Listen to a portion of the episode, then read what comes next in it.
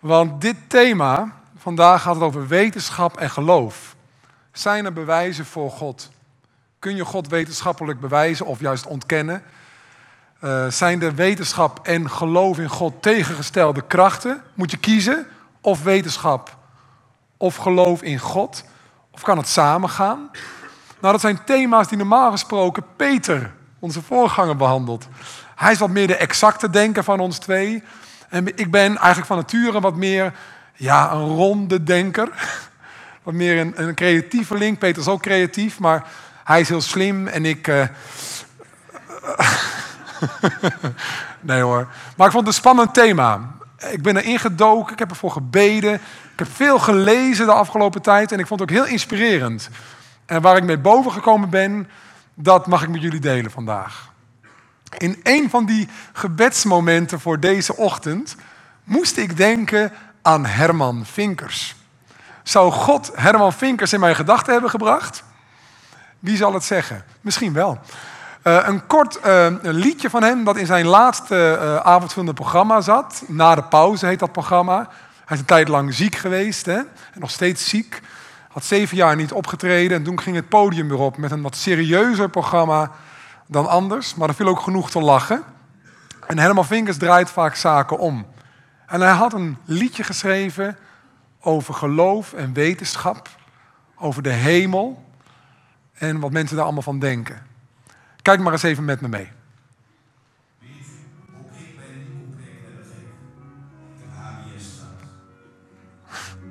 Dus ik ben een man van wetenschap, van feiten en zo meer.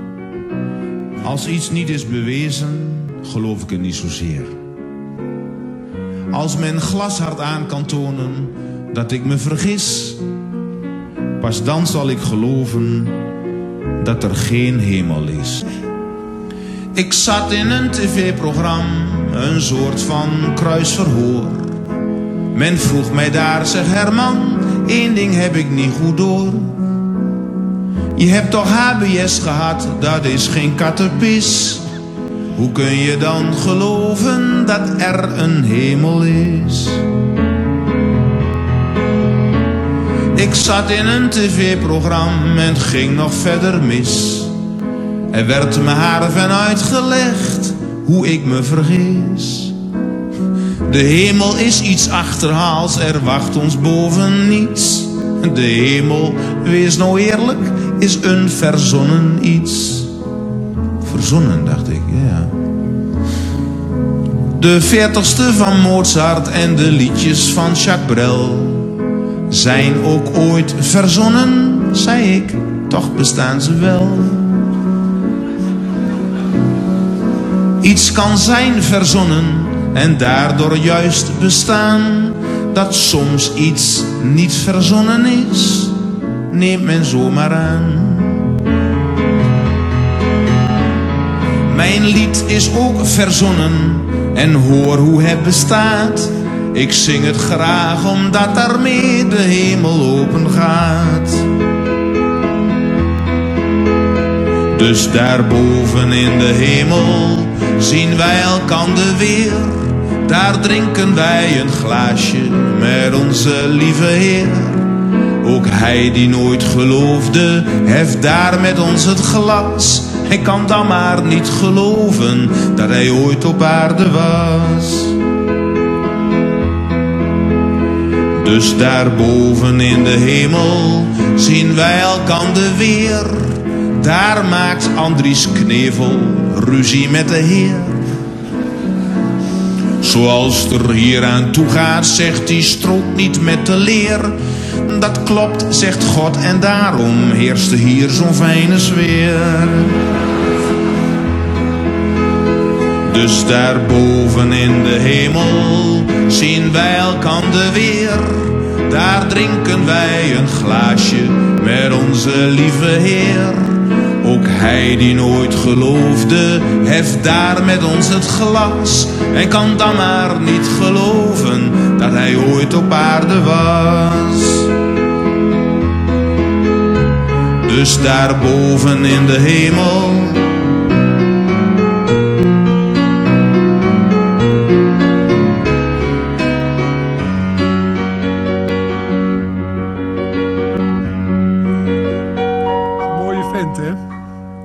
graag naar hem luisteren en graag zijn verhalen lezen. Dit liedje pakt eigenlijk al gelijk drie thema's bij de kop die wij gaan bespreken in deze serie. Wetenschap en geloof, maar ook hemel en wie gaat daar eigenlijk allemaal naartoe. En ook de leer kwam voorbij. Nou, over de Bijbel gaan we het nog hebben later.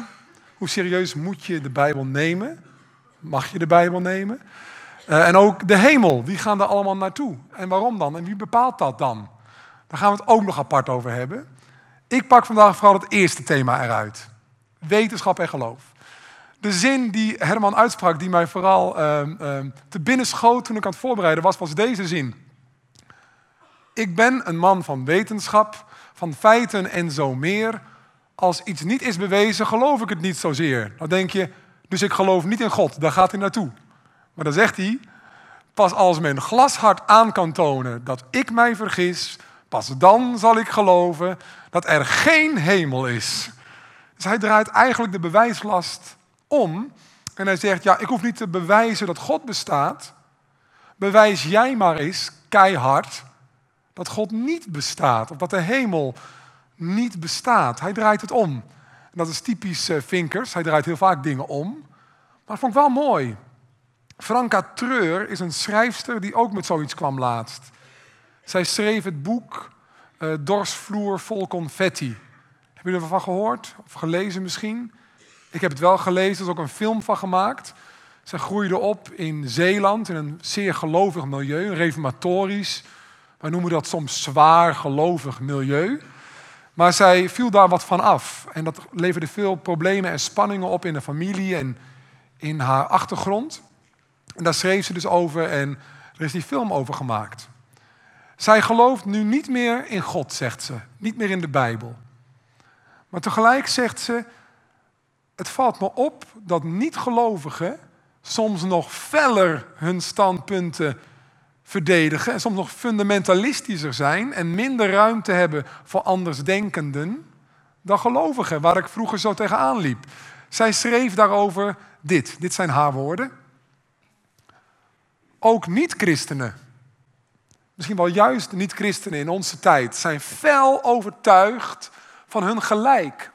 Voor hen zijn de Bijbelse verhalen sprookjes. En zij zijn absoluut niet van plan daar anders over te gaan denken. Discussies over godsbewijzen lopen nooit uit op nieuwe inzichten. Als het al tot een discussie komt. Atheïsten en zeker agnosten zullen zeggen dat de bewijslast voor het geloof in bizarre verhalen ligt bij de gelovigen en niet bij hen. Dus waar Herman zegt, bewijs jij het maar, zeggen deze mensen nee, jij gelooft iets geks, dus jij moet het bewijzen. Toen ik in het programma Adieu God Thijs van den Brink een intelligente journalist had genoemd, werd ik door enkele atheïsten daarna acuut niet meer serieus genomen. Met andere hoe kun je iemand intelligent noemen als zo'n persoon, zoals Thijs van den Brink, tegelijkertijd gelooft in sprookjes? Dat kan toch niet? Je kunt niet intelligent zijn, een, een pittige studie hebben gevolgd of wat dan ook. En tegelijkertijd zeggen, ik geloof in Jezus. Die heb ik nog nooit gezien, maar ik geloof in Hem. Ik geloof dat Hij water in wijn veranderd heeft. Dat Hij over het water gelopen heeft. Dat Hij mensen uit de dood heeft laten opstaan. Dat Hij zelf uit de dood is opgestaan. Dat Hij nog steeds leeft. Dat kan je niet serieus nemen. Die standpunten niet en daardoor ook de persoon niet meer. Dus je kunt niet intelligent zijn en geloven, zegt ze. Alleen maar mensen die niet nadenken, kunnen geloven. Arjan Lubach, mag ik ook soms graag naar luisteren, ook soms wel lastig, omdat hij heel anders denkt dan ik denk. Uh, dus dat doet wel eens wat zeer, dingen die hij roept over God en geloven, omdat het voor mij veel betekent, dat geloof. Maar toch heel veel humor natuurlijk. En hij zei, ik heb een kerk gestart. Ik ben een kerk begonnen, de kerk van het, kennen jullie het? Het vliegende spaghetti-monster. Ja, dat is net zo, uh, uh, net zo zeer een, geldige reden om een kerk te beginnen als geloven in de opgestane zoon van God, in Jezus. Want jij hebt Jezus nooit gezien en toch geloof je in hem en moet ik daar ruimte voor geven. Moet ook onderwijs mogelijk zijn, speciaal onderwijs, waar kinderen dat ook meekrijgen. hè, ongestraft. Nou, dan begin ik zoiets voor het vliegende spaghetti-monster. Eigenlijk even irrationeel. Ik heb het niet gezien, ik kan het niet bewijzen. Maar jij hebt ook jouw Jezus nooit gezien, die kan je ook niet bewijzen. Dus wat is nou helemaal het verschil? Daarmee maak je natuurlijk uh, een vergelijking waardoor mensen die in God geloven, ja, ridicuul zijn. Raar. Uitgelachen worden. Uh, lang geleden, denk ik jaren 50 geleden, was er al een van de vooraanstaande atheïsten die zei, nou niet het vliegende spaghetti monster, maar dat er een grote theepot uh, in een baan rond de aarde uh, zweeft. Dat is mijn geloof, zei hij. En dat is net als jullie geloof in Jezus. Dus hij maakt de vergelijking, vergroot het, ridicule en zegt dan, nou wat is nou helemaal het verschil tussen jouw geloof en dit geloof? Nou, ik geloof dat er wel degelijk een heel groot verschil is en daar kom ik straks op. Ik geloof en ik zie ook om mij heen dat heel veel weldenkende mensen, letterlijk en figuurlijk, mensen die wel nadenken en soms heel goed kunnen nadenken, in God kunnen geloven. En daadwerkelijk in God geloven. Ik ken weinig mensen, inclusief Arjan Lubach, die met hun hele hart en verstand echt geloven in het vliegende spaghetti-monster. Er is schijnbaar toch een verschil. Want weldenkende mensen trappen niet in het ene sprookje, maar ervaren wel kracht en iets reëels in het andere, wat soms sprookje wordt genoemd. Het andere verhaal. Hoe komt dat? Wat is nou het verschil? Ik heb een paar dingen op een rij gezet, wat in onze tijd vaak wordt gezegd over geloof en wetenschap. En daardoor klinkt het ook heel logisch en bekend. Dit. Geloof is per definitie iets persoonlijks. Prima dat jij iets gelooft, maar zeg niet dat het de waarheid is. Het is persoonlijk. Hou het vooral lekker thuis, maar uh, liever niet verder. En wetenschap daartegenover is meer algemeen geldend. Wetenschap is voor iedereen waar. Geloof is intuïtief. Dus dat kan je voelen, dat is toch een beetje zweverig. Uh, moeilijk hard te maken, letterlijk en figuurlijk. En wetenschap is feitelijk, dat kun je testen, dat kun je met experimenten herhalen, dat kun je aantonen. Glashard voor iedereen, helder. Geloof draait daarom ook vaak in de algemene opinie over gevoelens. Ik voel dit en daardoor kan je alles geloven wat je voelt. En daar is weinig tegen in te brengen, want het is heel persoonlijk. Geloof draait om gevoel, wetenschap, om het verstand. Ik denk na, dit is logisch, dit is een denkbaar scenario. En als laatste, sluit erop aan, geloof is dus subjectief, persoonlijk, heeft met jouw mening en overtuiging te maken. En wetenschap, dat is objectief. Het is gewoon zonder gevoelens, gewoon een standpunt innemen dat je hebt getest en dat dus waar is. Het ene is waar en het andere is misschien waardevol voor jou, maar niet waar. Ga niet zeggen dat het waar is. Dit is waar en dat is voor jou misschien waardevol of voor de maatschappij waardevol. Een hoop gelovige mensen doen vrijwilligerswerk vanuit een overtuiging. Nou, prachtig. Een hoop mensen zijn lief voor een ander vanuit hun geloof. Super, maar dat maakt hun geloof wel waardevol, maar niet waar. En vaak wordt het ook tegen elkaar uitgespeeld. Want als je gelooft ja, dan is de Bijbel dus jouw waarheid. En dat zou dan de wetenschap uitsluiten. Er wordt vaak meteen het scheppingsverhaal bij de kop gepakt. Zo van oké, dus als jij gelooft in het scheppingsverhaal zoals het in de Bijbel staat, dan kan je dat alleen maar geloven, letterlijk zoals het daar staat. In zes dagen schiep God alles hè, en toen was er een rustdag en de aarde is zoveel jaar oud en ouder kan eigenlijk niet, want het komt niet met je verhaal. En de wetenschap toont of lijkt, dat is ook nog een discussie, lijkt soms andere dingen aan te tonen. Nou, dan ben je dus vijanden van elkaar. Het kan niet allebei waar zijn.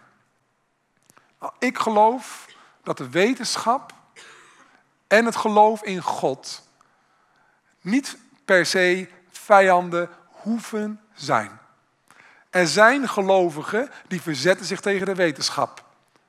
Vind ik jammer is niet per se nodig. Er zijn ook wetenschappers die verzetten zich met hand en tand tegen alles wat met geloof te maken heeft.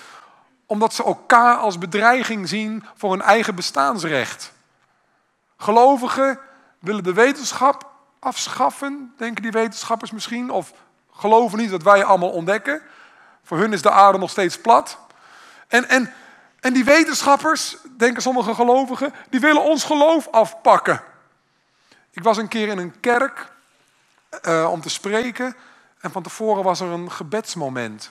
En er was een wat oudere mevrouw, die was helemaal aan het snotteren in dat gebed. Oh, echt helemaal verdrietig. En ik oh, zou er iemand overleden zijn? Wat is er aan de hand? En toen zei ze, oh heer, ik vind het zo erg van Andries Knevel. Ik vind het zo erg van Andries Knevel, want hij had in het openbaar gezegd ehm, dat hij uh, wat anders was gaan denken over de manier waarop God de aarde heeft geschapen en alles wat leeft. Dus God als schepper had Andries niet van tafel geveegd of zo. Gelooft hij nog steeds in God als begin, als oorsprong, als bron van alles. Um, maar de manier waarop, daar was hij wat minder stellig in dan in zijn vroegere jaren. Maar voor die mevrouw in die kerk was dat. Andries heeft zijn geloof al wel gezegd. Andries gelooft nu niet meer in God. Andries gelooft nu in de wetenschap. Terwijl ik Andries Knevel een paar maanden daarna een keer ergens tegenkwam. En hij zei, nee, ik geloof met hart en ziel in God. Ik geloof in de Heer Jezus. Ik leef met Hem, met vallen en opstaan. Ik geniet ervan als anderen tot geloof komen in Hem en veranderen daardoor. En tegelijkertijd wil ik niet ontkennen de prachtige ontdekkingen die wetenschappers soms doen of denken gedaan te hebben. Dat vind ik ook interessant. Het is een menselijke uh, uh, gave, een talent dat God aan mensen geeft om, om wetenschap te beoefenen. Om het weten te vergroten. En ook de medische wetenschap, wat genieten we daarvan? Ik leef nog vandaag de dag, ook dankzij de wetenschap. Ja, God heeft de wetenschap daarvoor gebruikt. Want als er geen, geen uh, um, ICD's en, en, en, en, reanimatieapparatuur zou bestaan, was ik inmiddels begraven. Um, ja, heeft God mij dan een leven gehouden of de wetenschap? Of heeft God ons middelen gegeven, door wetenschappers bedacht, waardoor ik. Hoe moet je dat zien? Moet je dat zo scheiden? Nee, ik denk niet dat wetenschap en geloof per se vijanden hoeven zijn. Ik denk trouwens ook niet dat, en daar kom ik nu even op, dat vliegende spaghetti-monster, dus dat het alleen maar gevoel is, en Jezus hetzelfde zijn. Ik wil je graag uitleggen waarom. Ik zal het je voorlezen. Ik heb een, uh, studie gelezen van Stefan Paas. Hij heeft een, een, boek geschreven, dat heet God bewijzen. Met allerlei rationele uh, ja, verhalen, misschien ook wel verdediging van het christelijk geloof. En daarin zegt hij dit. En dat is als reactie op die vliegende theepot of het spaghetti monster of dat soort uh, eigenlijk beschimpingen belachelijkmaking van gelovige mensen. Hij zegt, um, stel dat iemand de Bijbel leest en daarin leest dat zijn zonden, al zijn fouten worden vergeven als hij oprecht bidt tot God en gelooft in het kruis van de Heer Jezus van 2000 jaar geleden. Hij besluit dit te doen en hij ervaart dat er zogezegd een last van hem wordt afgenomen. Hij voelt vervolgens diepe rust van binnen ontstaan. En daarna verandert zijn iets wat bedrukte stemming van de laatste tijd in opgetogenheid. Die blijdschap die duurt dagenlang. Daarna wordt het wat flauwer, maar hij ervaart dat zijn zelfbeeld positiever is geworden. Dat hij met meer zelfvertrouwen omgaat met zijn medemensen. Nou, we kunnen dus gerust zeggen dat zijn overtuiging, dat zijn zonden vergeven zijn door God, een basisovertuiging is. Een onmiddellijke gewaarwording. Hij merkt er iets van. En we kunnen ook aannemen dat deze overtuiging geen belachelijk verzinsel is, à de vliegende theepot. À de vliegende theepot, nou ja, zoals... Flauw. Zoals de vliegende theepot. Het is mogelijk dat hij zich vergist. Of dat hij zijn ervaring verkeerd interpreteert, maar hij verzint dit niet zomaar. Ja, iemand kan dan tegenwerpen. Ja, mensen kunnen buitengewoon absurde overtuigingen hebben. Die zij zonder argumentatie, dus zonder harde bewijzen, als waarheid zien. Mensen kunnen er huilig, heilig, heilig van overtuigd zijn dat ze de kerstman hebben gezien. Er zijn mensen die vandaag de dag geloven dat Elvis nog leeft.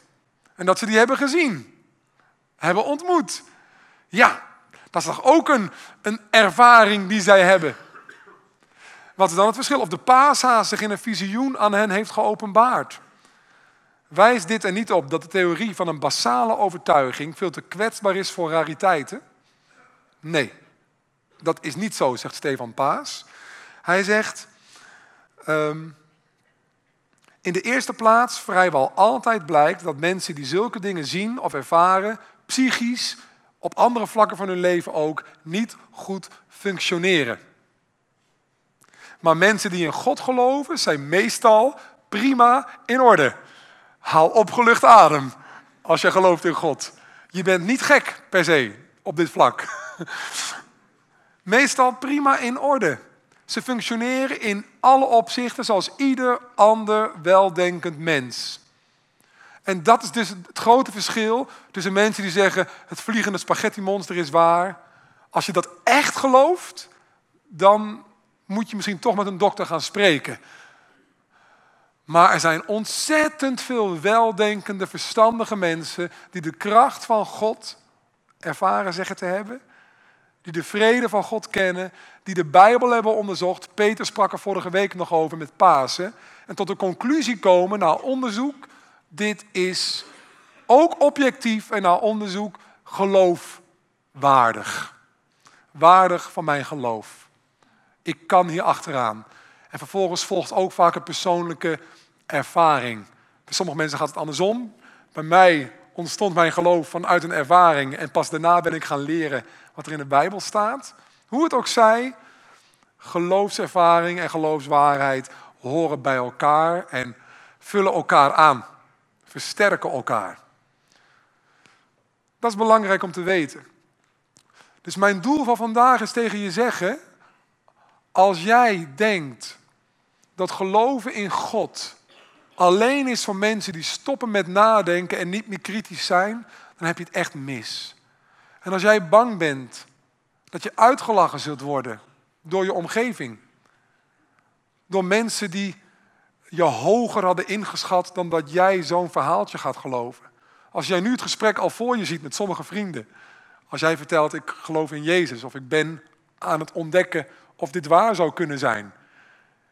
Ik ga naar de op zoek naar God cursus. Als jij al de reacties kunt voorstellen van beschimping, uitlachen, belachelijk maken. Weet dan, ik geloof dat dit ook een geestelijke uh, component heeft. Dat er een vijandige druk is op mensen, ook geestelijk, om niet te geloven. Want als je goed nadenkt en echt, echt erin duikt in deze onderwerpen, dan is het helemaal niet zo gek om te geloven. Misschien wel het meest logische om te doen. Elke dag komen er wereldwijd tienduizenden en tienduizenden mensen tot geloof in de Heer Jezus. Elke dag. Er komen niet elke dag tienduizenden en tienduizenden mensen tot geloof in vliegende spaghetti-monster. Het is een heel groot verschil. God bewijst zichzelf. Mensen hebben een aangeboren verlangen naar God en naar het aanbidden van iets. Ik geloof iemand hoger dan zichzelf om zich over te geven aan iemand met een plan voor een leven. Iemand die, die ergens naartoe werkt in de geschiedenis waar wij een deel van kunnen zijn. Gods besef en Gods verlangen, dat leeft in de meeste van ons. Alleen we voelen ons geremd door onze cultuur. En denken, dan moet ik zoveel ratio overboord zetten als ik dat ga geloven. Dat is niet waar. Ik wil een, eh, een lied voor je zingen. En daarna ga ik met jullie de Bijbel nog in. En daarmee sluit ik af. Ik schreef dit lied voor mijn familie en vrienden. Ik was in het begin de enige christen toen ik twintig jaar was en tot geloof gekomen.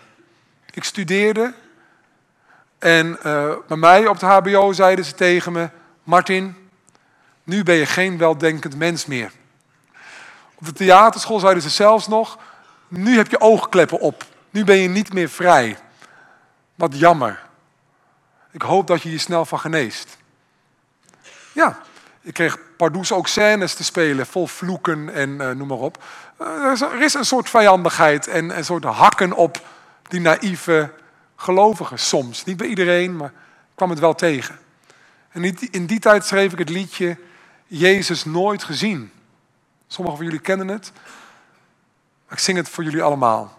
Hoe kan je geloven in een onzichtbare Jezus?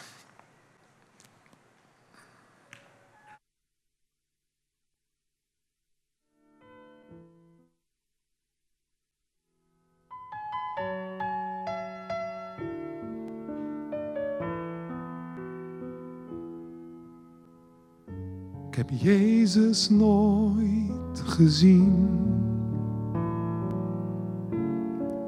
Nooit zachtjes aangeraakt. Nooit hoorde ik hem lachen aan mijn tafel om een grap. Of iets dat hij had meegemaakt. Nog nooit zag ik hem eten of dansen op een feest. Al die alledaagse dingen, ik ben er nooit zelf bij geweest. Dus hoe kan ik dan zeggen dat ik zoveel van hem hou? En hoe kan ik dan zingen dat ik geloof en Hem vertrouw? Het is nu 16 jaar later, ik ben nog niet genezen. Het wordt alleen maar groter.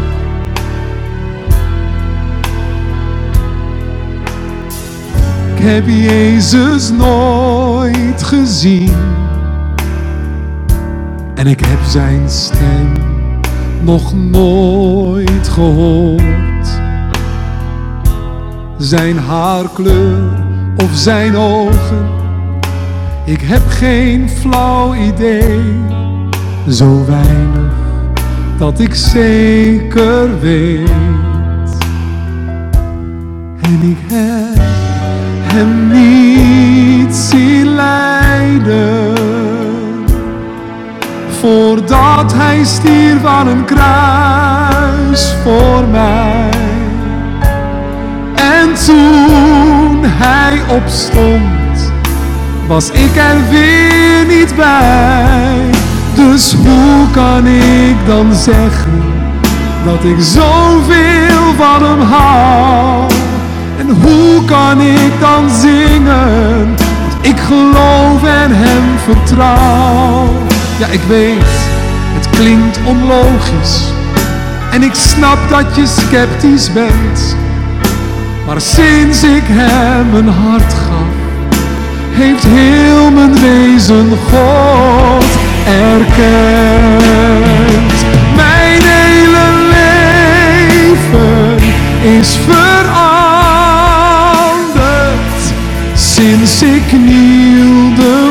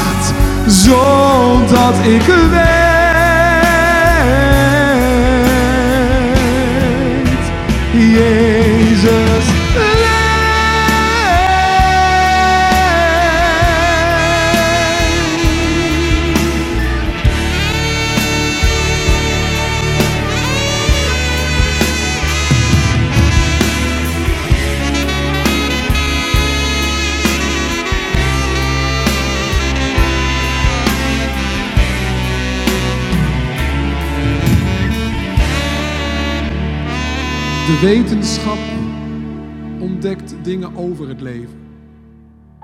God is de bron van het leven. De wetenschap ontdekt dingen over natuurwetten. God bepaalde de natuurwetten.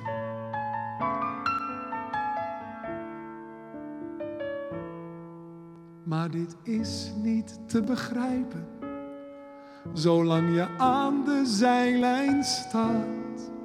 Maar als je eerlijk zoekt naar Jezus, met je skepsis komt bij Jezus en bidden gaat tot Jezus, dan weet ik dat er iets veranderen gaat.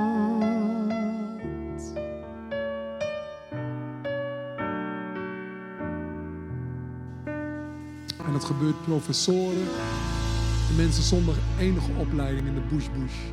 Maar het is diezelfde God die zichzelf openbaren kan. En daarover lees ik met jullie in de Bijbel het volgende. Dit zijn woorden van Paulus. Eerst een felle tegenstander van de christelijke kerk en daarna raakte hij overtuigd. En hij zegt dit. Laten we het gaan lezen in de Bijbel.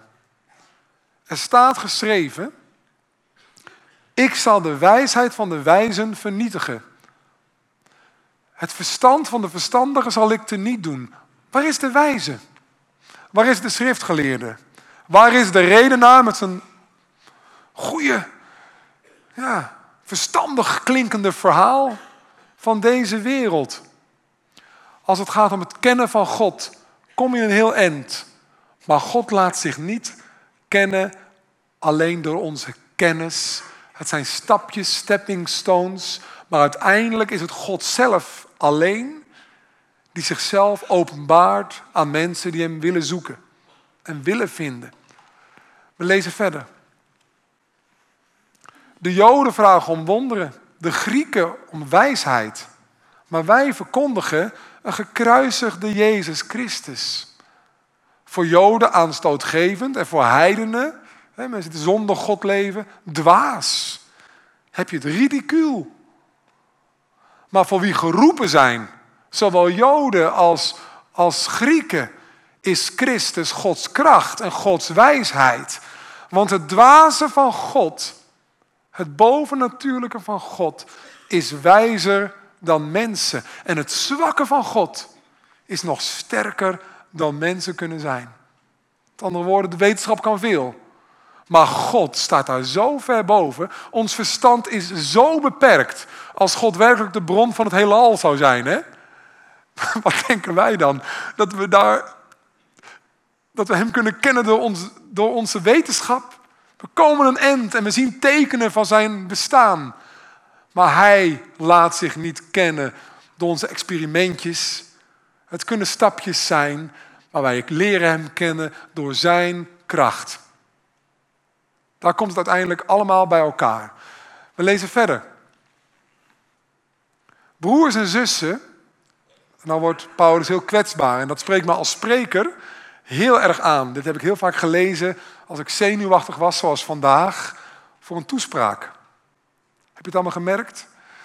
Ik was echt zenuwachtig. Maar dan zegt Paulus tegen mij, broers en zussen, toen ik bij u kwam, om u het geheim van God te verkondigen, beschikte ook ik niet over uitzonderlijke welsprekendheid of wijsheid. Ik was niet buitengewoon slim of vaardig in het spreken. Nee, gewoon, ik was mezelf, ik was maar een simpel mens. Ook al wist Paulus heel veel, hè? hij was wel een geleerde. Ik had besloten u geen andere kennis te brengen dan de kennis over Jezus Christus, de gekruisigde. En hij zegt dan tenslotte over zichzelf. Bovendien kwam ik bij u in al mijn zwakheid. En was ik angstig en onzeker. De boodschap die ik verkondigde, Jezus leeft, overtuigde niet door mijn wijsheid. Wat een slimme man, nou die zal wel gelijk hebben. Maar bewees zich door de kracht van de geest van God. Gods werkende kracht in mensen, in de wereld. Want uw geloof moest niet op menselijke wijsheid steunen, maar op de kracht van God. En als God werkelijk geloof gaat geven, en bij sommigen van jullie heeft hij dat al gedaan, of is hij dat aan het doen, dan is dat een fundament, letterlijk, voor je geloofsleven. Nou, daar krijgt geen wetenschapper mij vanaf. Echt niet. Ik heb heel veel kritische verhalen over God gelezen. Toen ik net tot geloof gekomen was, ging ik op vakantie met mijn schoonfamilie. En mijn schoonmoeder had toen een relatie met een man en die was heel fel tegen het geloof. Hij was ook heel slim, veel slimmer dan ik ben. En we hadden elke avond bij het kampvuur hadden we discussies waarin het zijn doel was die nieuwe christen in de pan te hakken. Ehm, niet omdat hij mij een rotzakje vond of zo. Volgens mij mochten we elkaar wel. Maar hij wilde mij van het geloof afhelpen. Want het maakte mij ja, wat minder serieus te nemen in zijn ogen. Dus hij wilde mij daar graag een handje bij helpen. Dus elke avond en dit en dat en het lijden in de wereld en de Bijbel. En het is allemaal niet historisch betrouwbaar en tegenstrijdig. En kijk, dit is, hij wist veel meer dan ik. Ik was alleen maar geraakt door de liefde. En elke keer kwamen we weer op het punt dat ik tegen hem zei, maar, ik zal zijn naam even niet noemen, maar Piet, zijn gefingeerde naam. Maar Piet, als God niet bestond, had dit wonder nooit in mijn leven kunnen gebeuren. Ik ervaar zijn nabijheid. Ik ben veranderd. Mijn familie zei tegen me: Je ogen staan anders. Je kijkt anders uit je ogen. Je bent een ander mens aan het worden. Dat kan het spaghetti monster niet doen. Dat is de kracht van God. Daar bouw ik op. Ik heb zoveel rust. Ik, ik, ik droom. Ik heb toekomstvisioenen. In die zin, ik merk dat God met me aanwezig is en, en met me wandelt. Zou je niet met me willen bidden, Piet? Dat jij het ook gaat zien. Zei die, ben je gek geworden? Tuurlijk ga ik niet bidden, want als je bidt moet je geloven dat hij bestaat. Ik geloof niet dat hij bestaat, dus nou, wat kan je dan gebeuren? We kunnen toch samen bidden? Laten we kwetsbaar zijn. Zullen we samen op de knieën gaan? En als God echt bestaat, nou wie weet, verrast hij je wel. Daar heb ik geen zin in, daar heb ik geen trek in. Er kwam er nog een argument. De kwetsbaarheid die werd vermeden. Soms is ratio ook een manier om God op afstand te houden. Omdat er andere redenen zijn waarom je niet kwetsbaar durft te zijn. Waarom God niet mag bestaan. Als God wel bestaat, moet ik misschien mijn leven veranderen. Als God wel bestaat, moet ik misschien anders omgaan met sommige dingen. En daar heb ik geen zin in. Of als God wel bestaat, heb ik iets heel ergs gedaan in zijn ogen. En dat wil ik niet onder ogen zien.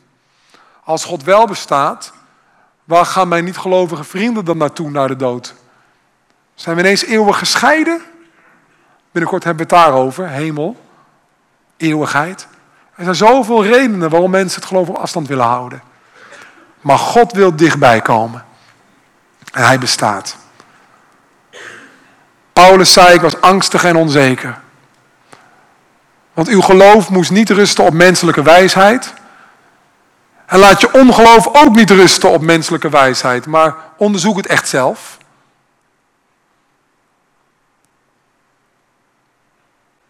Dan komt het goed. Zeg ik met volle overtuiging. Dan zul je God vinden. Want Hij leeft. En ik heb het talloze keren gezien, ook in de basis, dat mensen ontdekken dat het waar is. Want het is waar. En niet alleen waardevol.